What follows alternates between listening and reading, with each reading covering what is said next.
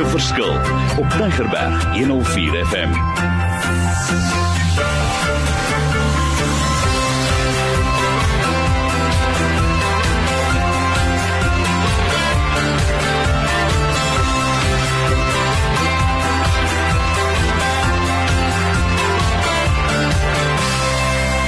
Ek wil begin deur te sê, "Yes, ek is opgewonde." Mario Denton, bedryfsielkundige, maar iemand met 'n passie. Waaroor is die onderwerp hierdie tyd van die jaar? Dit gaan oor ou se wysheid wat werk, maar hoe kan ons 'n verskil maak in die lewe daar buite? Nou, ek het lekker in hierdie afgelope tyd bietjie navorsing gaan doen, bietjie gaan soek en gaan skryf en saamgestel oor 'n onderwerp wat gaan oor ons noem hom sommer stepping in release is. Want jy's 'n skoolverlater, jy's 'n moeder, jou kind moet skool verlaat het of het skool verlaat nou sê ons, hoe berei ons ons kinders voor? Waarmee sukkel hulle? Wat is die die issues as ek dit so kan stel? So ek gaan lekker praat, maar ek het 'n spesiale persoon hierso wat ervare is wat boot kennis en insig het en ek het al haar voorheen gebruik. Ons gaan lekker gesels. Haar naam is Alicia. Alicia, jy kan ook net vir ons luisteraars sê wie is jy? Wat doen jy? Waar werk jy? En uh, dit gaan lekker wees om na jou te luister en jou input te kry op hierdie program, hoor. Baie dankie Maria, dit is 'n groot voorreg om saam met jou hier te wees. So ek is Alicia Leemkeel en ek werk by OGS Bubble en my ma man se hart is definitief die volgende generasie. So ons is mal om te sien hoe die volgende generasie groei en om hulle regtig net te equip vir wat voor lê. En daar hoor ons dit want ek wil juis gesels oor die koop, hoe berei ons hulle voor, maar ek wil begin. Jy het 'n storie seker. Kom ons deel want ons gaan hierdie program in 'n paar fases opdeel. Eers wil ek net gesels oor wat is jou storie en dan wil ek gesels oor realiteite, werklike realiteite daar buite. En dan gaan ons 'n bietjie dit anker in die woord en nou ook die hele proses, maar kom ons begin vandag gesels. Jou storie, jou voorbeelde, is hierdie onderwerp relevant? Is dit reëel as ek dit so kan stel? Mario, dit is definitief baie relevant. Ek dink met die verskeie tieners waar, waarmee ons werk, kan ek sien dat hulle is so afhanklik van hulle ouers. So hulle voel nie hulle hoef onafhanklik te wees nie. Hulle voel nie hulle hoef self finansiëel onafhanklik te wees nie, want dit is maklik om by ma en pa te bly en dit raak vir hulle hulle finansiële bydrae. Dit raak vir hulle finansiële security as ek kan sê om by die ouers te bly. Maar dis mos nou tipies van hierdie nuwe generasie, as ek reg. Hoe hoe kom dit ek dadelik uit die huis uit gaan yes. soos my pa lê? Ek wil bietjie langer by die huis bly. Ek wil nog deel raak van die perks as ek en dit yes. sien ons in yes. vader. Ja, in jou eie storie, hoe dit gebeur, wat het gebeur, wat wil jy nog vir ons deel? Ek dink wat ek um, in my eie in my eie lewe gesien het terwyl ek op skool was en veral in matriek is, ek het groot geword in 'n generasie wat regtig instant gratification wil hê.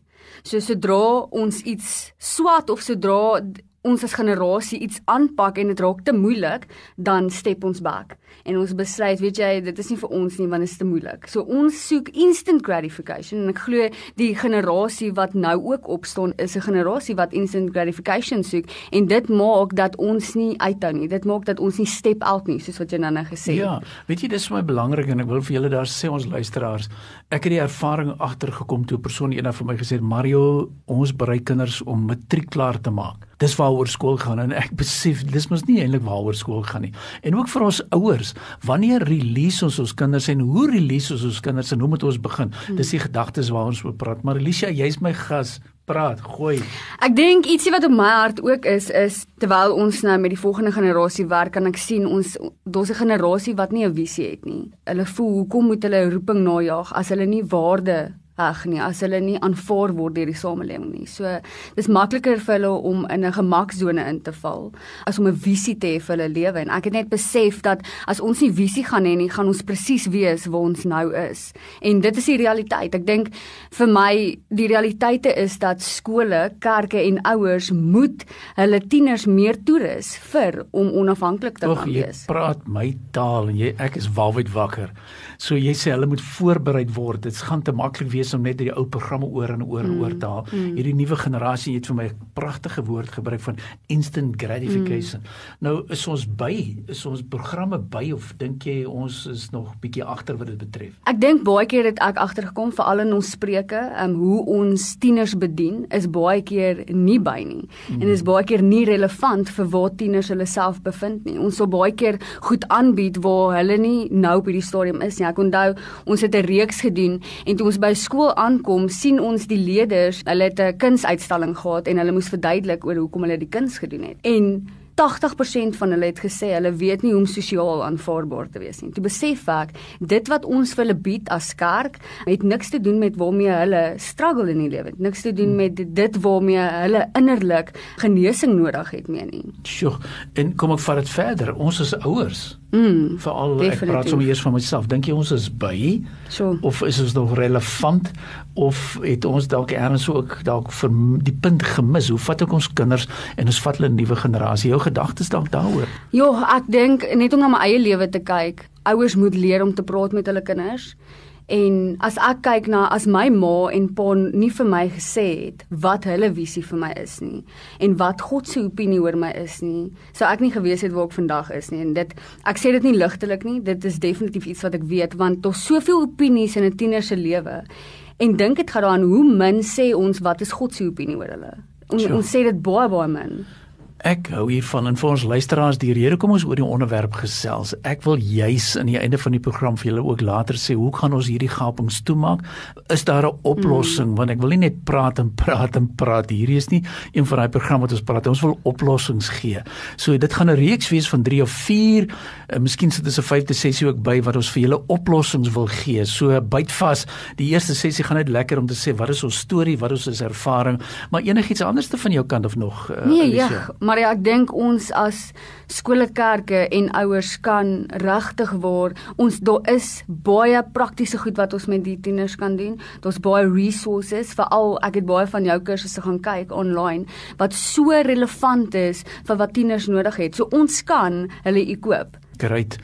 Ek wil net vir ons luisteraars sê waar het hierdie program eintlik begin as ek dit so kan stel. Moeder het na my toe gekom en sy het gesê vat my kind af van social media af en vat hom af van hy's te veel op sy iPhone.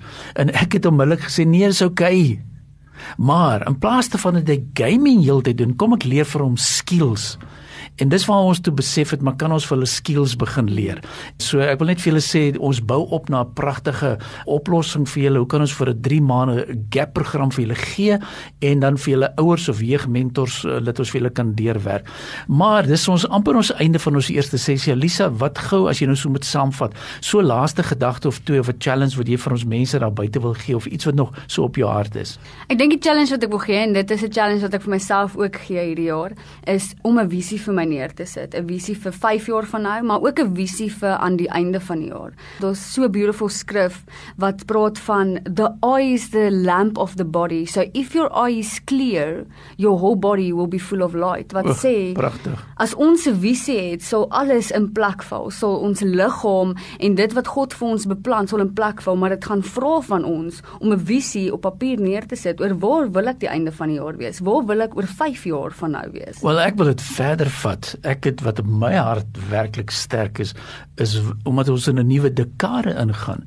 Vertrou ek die Here vir die volgende 10 jaar mm. om te sê yes, ek wil my beste 10 jaar maak. En dit Yes. kom terug na jou visie toe. Vir ons luisteraars, kom ek deel gou met jou. As jy dalk vandag voel hoor hierso, hierdie ding praat met my, ek is in dieselfde situasie. Ek gee altyd my WhatsApp nommer. Ek sê WhatsApp.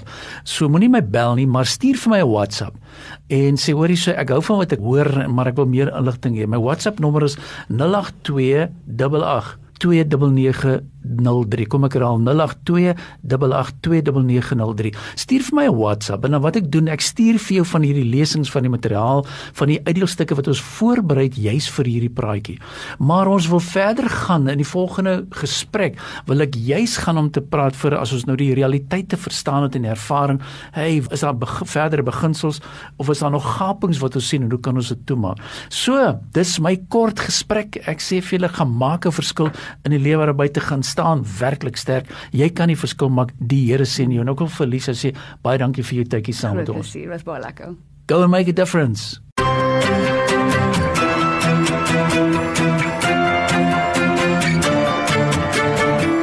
Opnames van Maak 'n Verskil is te kry op Potgooi via Tigerberg 104 FM se app of te wel toepassing.